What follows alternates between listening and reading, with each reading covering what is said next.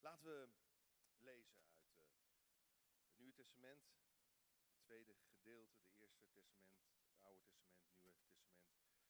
Bestaat, daar bestaat de Bijbel uit. Um, voor mensen die hier misschien voor de eerste keer zijn. En de apostel Paulus, uh, die, die schrijft het volgende.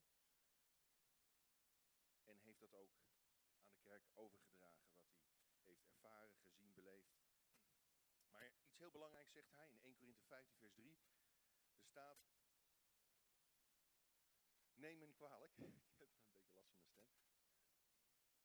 Zo. Hij zegt: Het belangrijkste dat ik u heb doorgegeven, heb ik op mijn beurt ook weer ontvangen. Dat Christus voor onze zonden is gestorven, zoals in de schriften staat.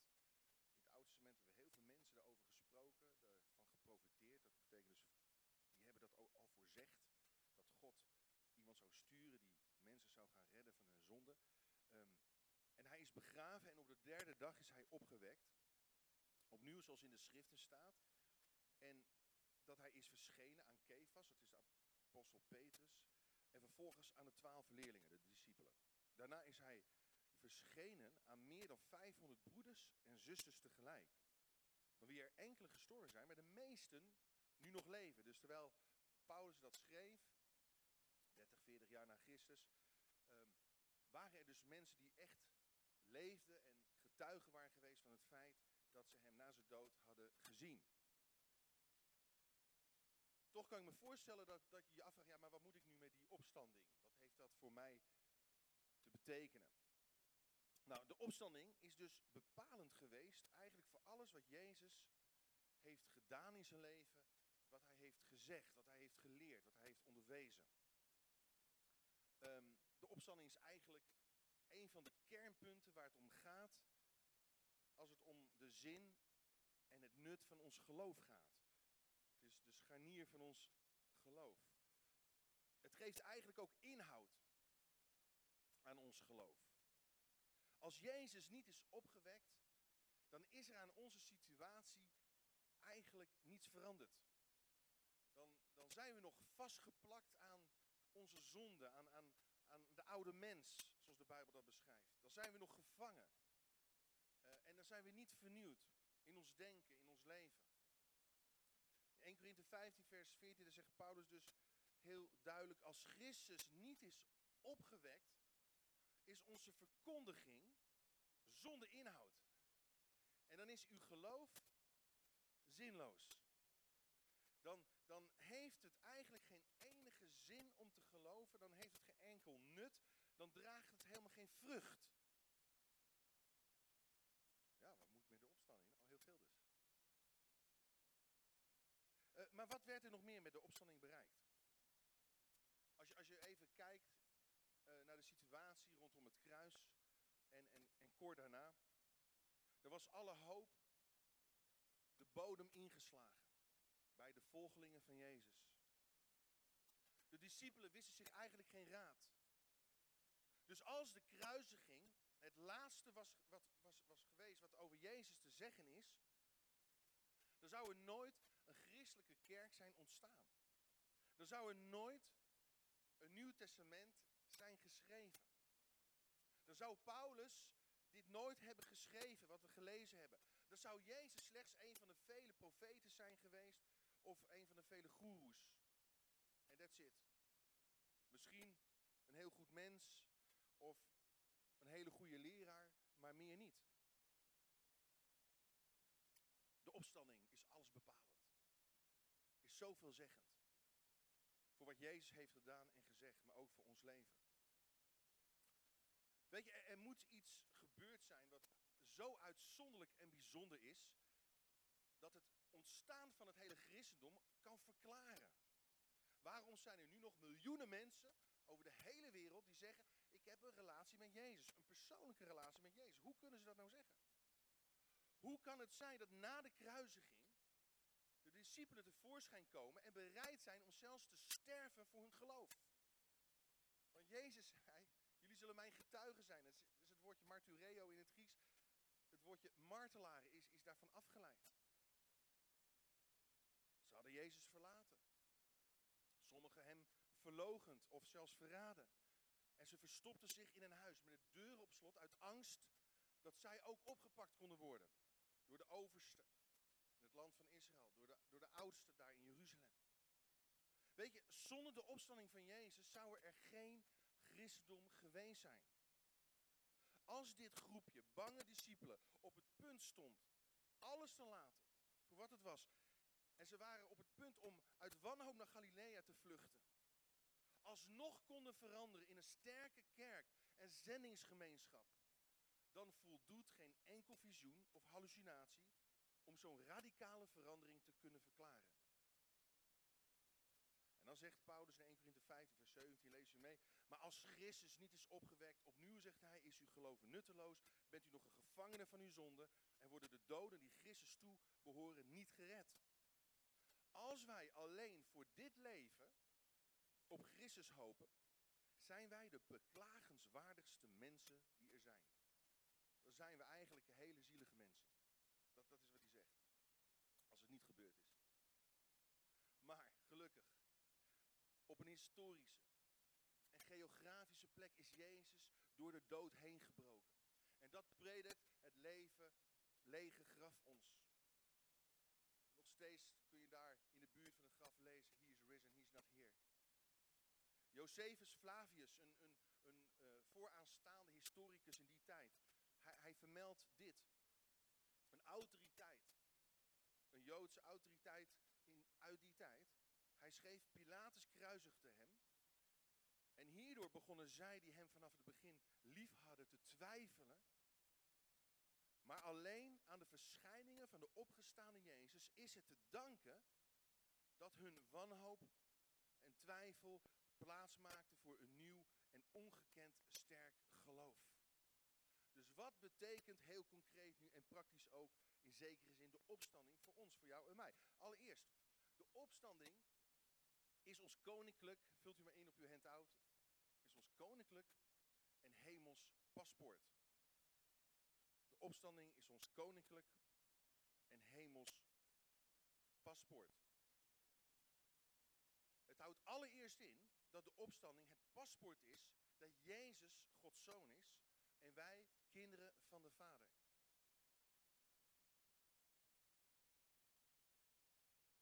Het is het paspoort dat aangeeft dat Jezus echt Gods zoon is en wij kinderen van de Vader.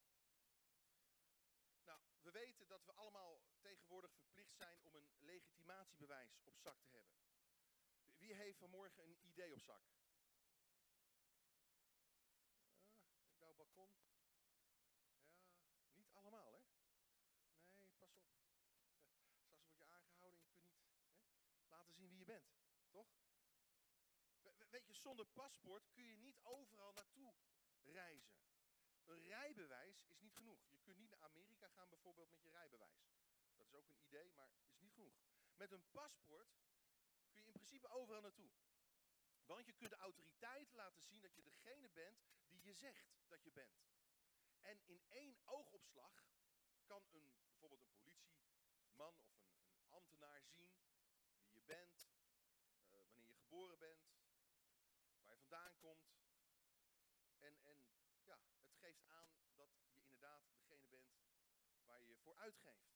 Dus je pas, paspoort geeft je ook nog bepaalde rechten als burger. We moeten ons dus kunnen legitimeren, bewijzen dat we de persoon zijn waar we ons voor uitgeven. Nou, een paspoort is dus heel concreet de verklaring, het bewijs dat iets echt is, dat het wettelijk is. Nou, wat houdt dat in met betrekking tot de opstanding van Jezus? Pas door de opstanding weten we, God was in Jezus. In en door de opstanding bewijst God dat het leven en sterven van Jezus Gods plan en bedoeling was. Hij verklaart zijn leven en hij verklaart zijn, zijn werk voor legitiem. Oftewel een leven naar zijn bedoeling. Lees je mee in Romeinen 1 vers 2. Daar zegt Paulus, God had tevoren door zijn profeten beloofd in de heilige schriften aangaande zijn zoon, gesproten, geboren uit het geslacht van David, naar het vlees, naar de geest van heiligheid door zijn opstanding uit de doden verklaard Gods zoon te zijn. In kracht. Jezus Christus, onze Heer. Nou, wat wil dit zeggen? Heel eenvoudig. In het licht van de Heilige Geest is Jezus de triomferende zoon van God. Doordat hij opstond uit de doden. Hij werd verklaard Gods zoon te zijn. Dat wil zeggen, benoemd, aangesteld, bewezen. Het is het, het onweerlegbaar bewijs dat Hij onze levende Heer is. Is ons paspoort geworden. En de opstanding is het paspoort van Jezus dat Hij echt Gods zoon is. En dat de geest van God hem opwekte. En diezelfde geest werkt nu in ons, die geloven. Waardoor wij ook toegang hebben tot God de Vader. Waardoor wij kunnen roepen tot God, Abba, Vader. God, u bent mijn Vader. Door de opstanding van Jezus geworden. In Romeinen 6 vers 4 gaat Paulus het verder uitleggen. Hij zegt, we zijn door de doop, wat we ook straks gaan zien, in zijn dood met hem begraven. Met andere woorden, je oude mens als het ware, wordt met hem begraven. Dat symboliseert die waterdoop. Zoals Christus ook door de macht van de Vader uit de dood is opgewekt, zo worden wij opgewekt om een nieuw leven te leiden. Want als de geest van hem die Jezus uit de dood heeft opgewekt in u woont, zal hij die Christus heeft opgewekt, ook u die sterfelijk bent, levend maken door zijn geest, die in u leeft. En dan zegt hij later, de geest zelf verzekert onze geest dat wij Gods kinderen zijn. Maar het is door de opstanding van Jezus gebeurd. Dat wij door diezelfde Heilige Geest kunnen zeggen, God, u bent mijn Vader. Dus de opstanding van Jezus laat zien dat wij kinderen van God zijn. Niet langer slaven meer, maar kinderen van de levende God. Dezelfde geest die Jezus opwekte, deed opstaan. Diezelfde kracht vernieuwt ons leven, verandert ons leven, transformeert ons leven naar het beeld van Christus. En we veranderen, zegt Paulus, door diezelfde geest van Gods heerlijkheid en macht en majesteit. Veranderen we van, van kracht tot kracht, van heerlijkheid tot heerlijkheid.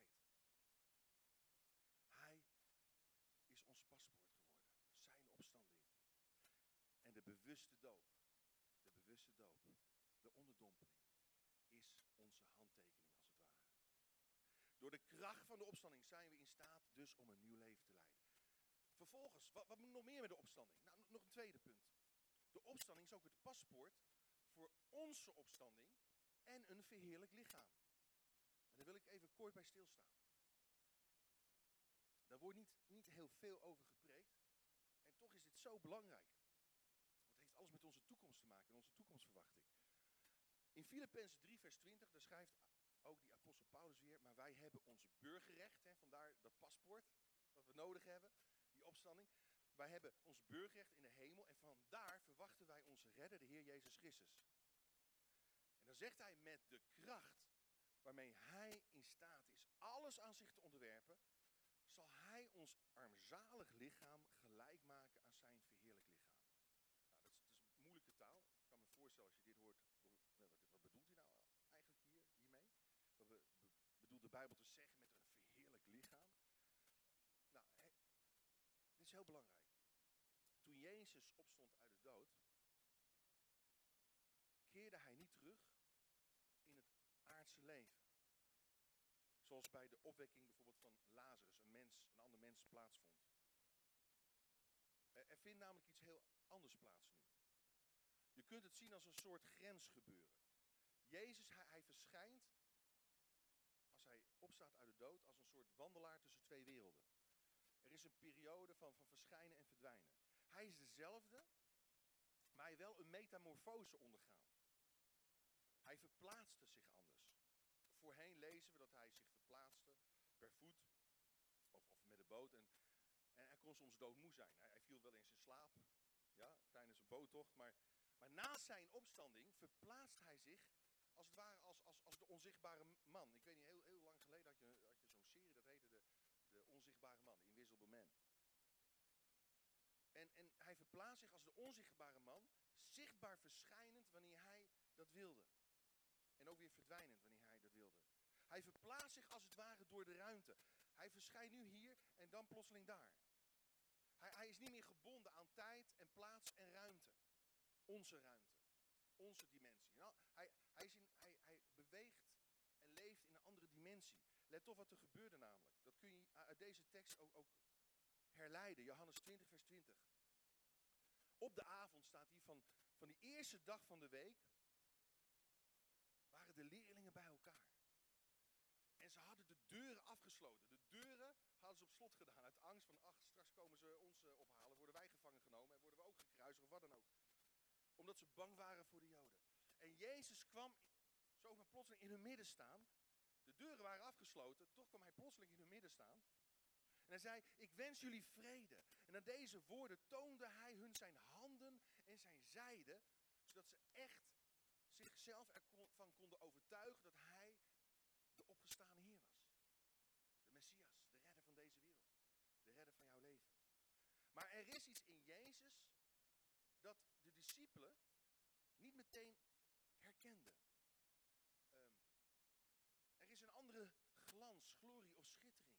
De glans van het eeuwigheidsleven straalt nu door hem heen. Het is wel hetzelfde lichaam, want, want ze konden zijn, zijn wonden zien. In, in zijn zijde en in, in, zijn handen. Maar in een andere bestaanswijze. Dezelfde identiteit, maar een andere verschijning.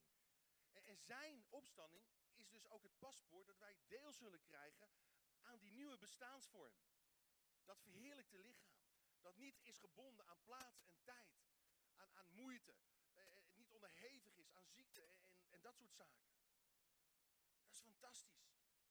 Dat verwachten we. De verlossing, zegt Paulus, van ons armzalige lichaam. Paulus zegt, oh ja, die innerlijke mens die wordt vernieuwd van dag tot dag, maar die uiterlijke mens, die vervalt. Maar we zullen deel krijgen aan dat opgestane, verheerlijkte lichaam van Christus. En de opstanding is ons En dan ten derde. De opstanding is ook het paspoort dat wij deel gaan krijgen, vult u in, aan een nieuwe hemel en aarde. Aan een nieuwe hemel en aarde.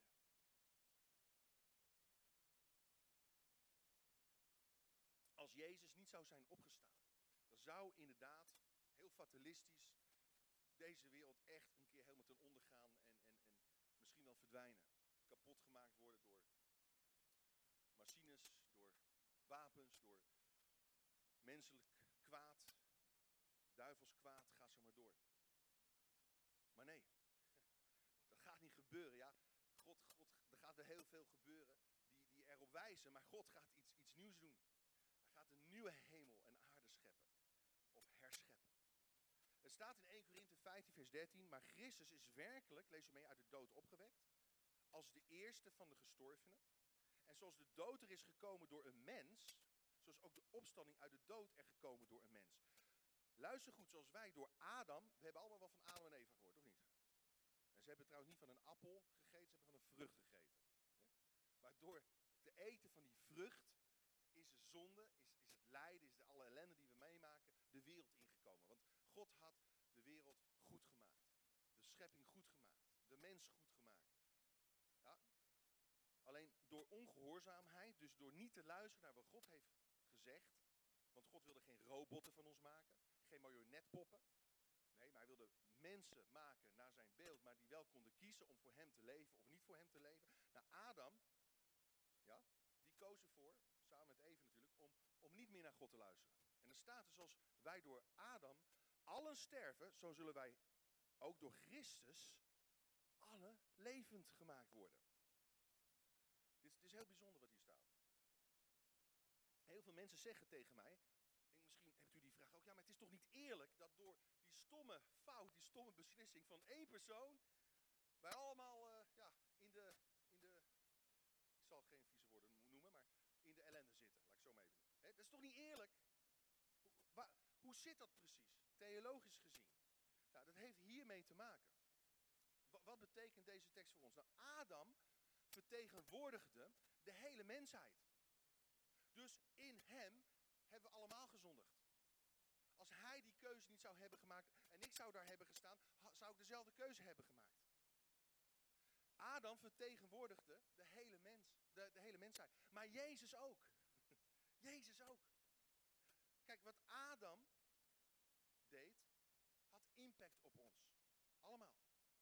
Maar ook wat Jezus heeft gedaan, heeft impact op ons allemaal gehad. En dat is, dat is de hoop van het evangelie. Dat is het goede nieuws.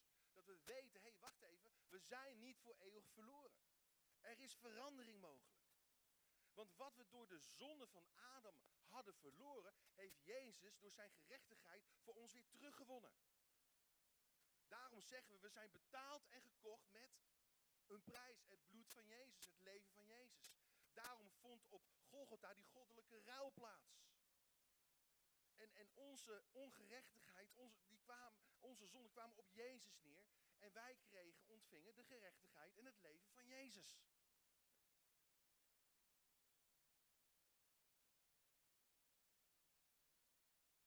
Door de opstanding heeft Jezus de angel van de dood uit ons leven weggehaald. En we krijgen zicht op een nieuwe hemel en een nieuwe aarde. Lees u mee. Openbaring 21, vers 3.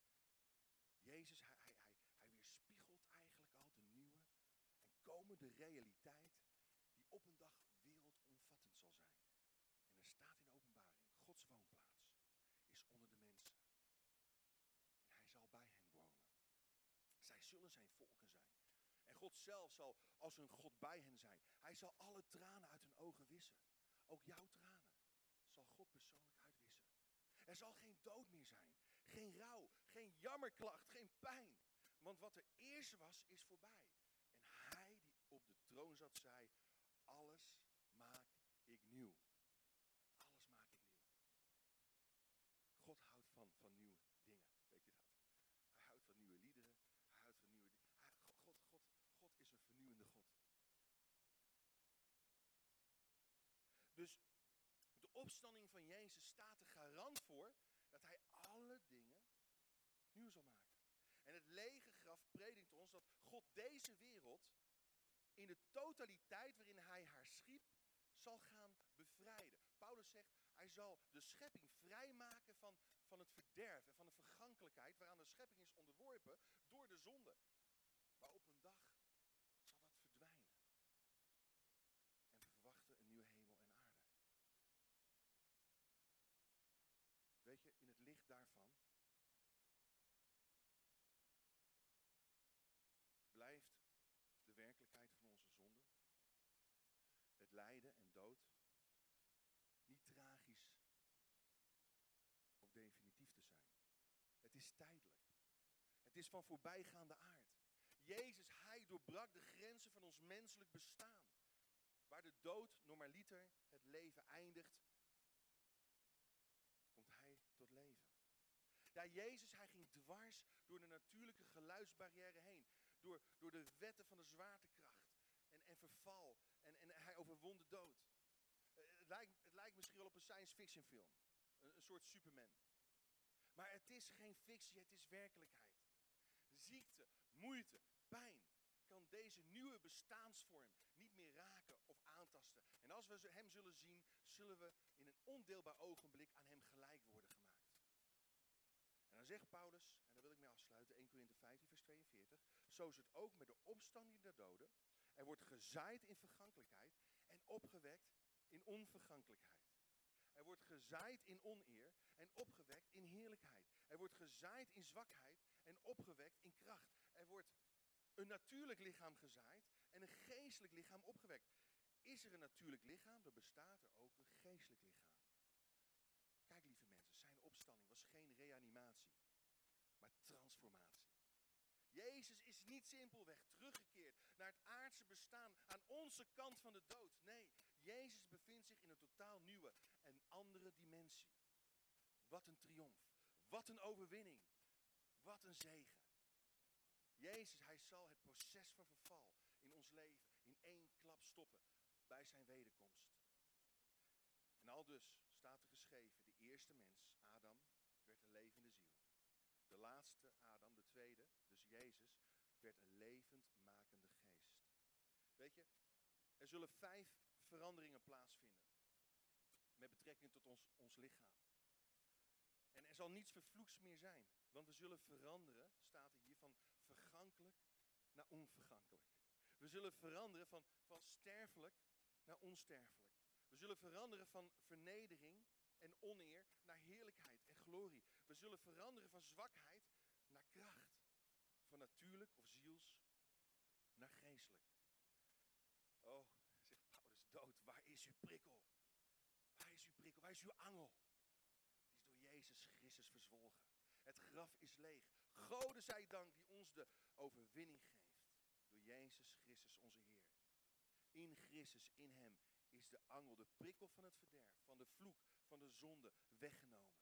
De dood heeft geen macht meer over ons. De dood is slechts een poort naar de eeuwige relatie met God. Een overgang in die nieuwe bestaansvorm. Dus wat moet ik met de opstanding?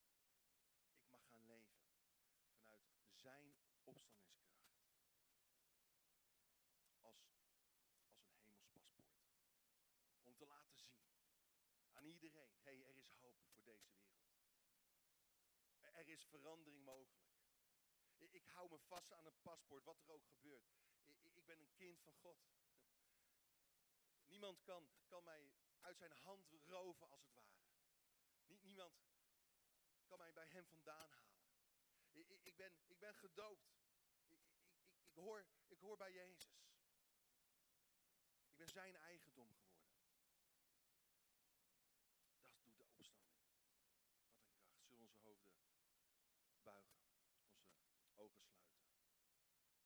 Jezus, ik wil u zo danken. Voor dat ongelofelijke werk dat u hebt gedaan. En voor, voor de geheimenissen die we mogen ontdekken ook in de Bijbel. Wat u zegt over ons leven, maar ook over het leven na dit leven. Er is geen boek die zo gedetailleerd ingaat. Op hoe wij zullen gaan veranderen. En Heer, we zullen meer en meer gaan lijken op u. We gaan stralen zoals u straalt. We zullen en schoon zijn zoals u puur en schoon bent. Reinig en rechtvaardig zoals u dat bent. Heer, dank u wel dat u alle smerigheid uit ons leven weghaalt. Alle negativiteit en, en alle zonde en, onrecht en, en laster en roddel en wat dan ook, Heer. Heer, dank u wel, Heer, dat u ons bevrijdt van onszelf, ons egoïsme. Dat we in staat zijn door die levende geest, die levendmakende geest van Christus. Dat we in staat zijn om u te dienen en om u te volgen. En om van u te getuigen. Heer, dank u wel, Heer Jezus, dat u ook de dopelingen wil zegenen. En wil bezegelen.